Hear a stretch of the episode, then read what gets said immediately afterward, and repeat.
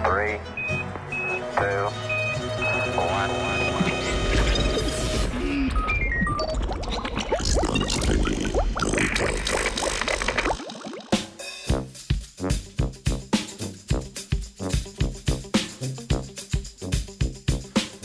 Dobro jutro. Uh, naslov današnjega znanstvenega Britofa je: Če plenilca ni.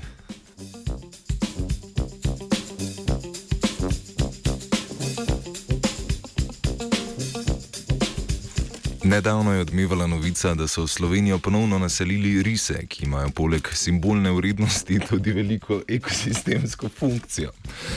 Predstavlja namreč končne plenilce, kar pomeni, da se nahajajo na vrhu.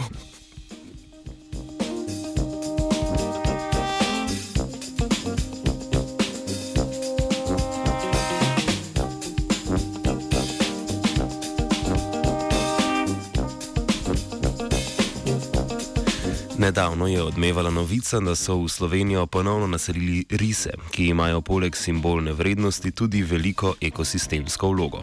Predstavljajo namreč končne plenilce, kar pomeni, da se nahajajo na vrhu prehranjevalne verige.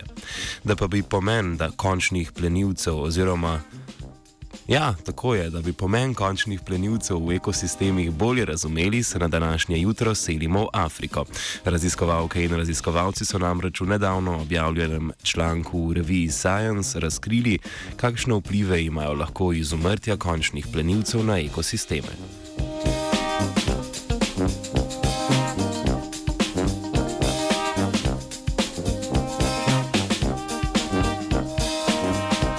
Raziskava je potekala na območju nacionalnega parka Gorongosa v Mozambiku, kjer so zaradi državljanske vojne velikosti populacij velikih sesalcev upadle za 90 odstotkov. V parku so tako izumrle tudi celotne populacije leopardov, afriških hijenskih psov in hijen. Ohranila se je le manjša populacija levov. Po koncu vojne je izumrtje končnih plenilcev na tem območju vplivalo na povečanje številnosti rastlinojedih sesalcev, predvsem antilop.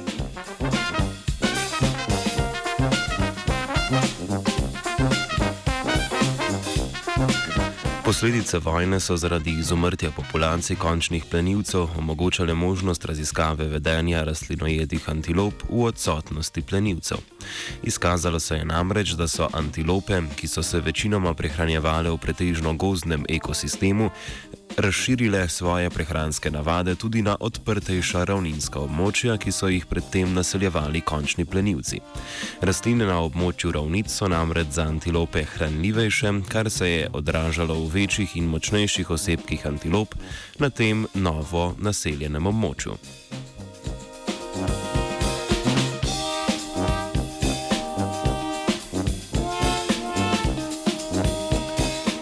Rastlinojedi organizmi za svoje preživetje izbirajo med možnostjo hranljivejše prehrane in večjo verjetnostjo, da postanejo plen. Prisotnost končnih plenilcev v nacionalnem parku je zaradi preprečevanja dostopa antilop do ravnic omogočala preživetje nekaterim rastlinam. Po izumrtju plenilcev se je areal antilop povečal, kar je posle posledično vplivalo na izginjanje rastlin, ki so jih predtem varovali plenilci.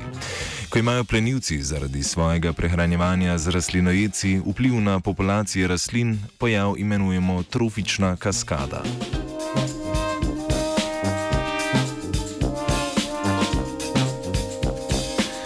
Raziskovalke in raziskovalci so s preučevanjem vedenskih vzorcev antilop ugotovili, da je ekosisteme na območju nacionalnega parka mogoče povrniti v predvojno stanje.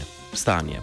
Ponovna naselitev končnih plenilcev bi namreč omogočila umik antilop na njihovo nekdanje območje in posledično ponovno vzpostavitev trofične kaskade.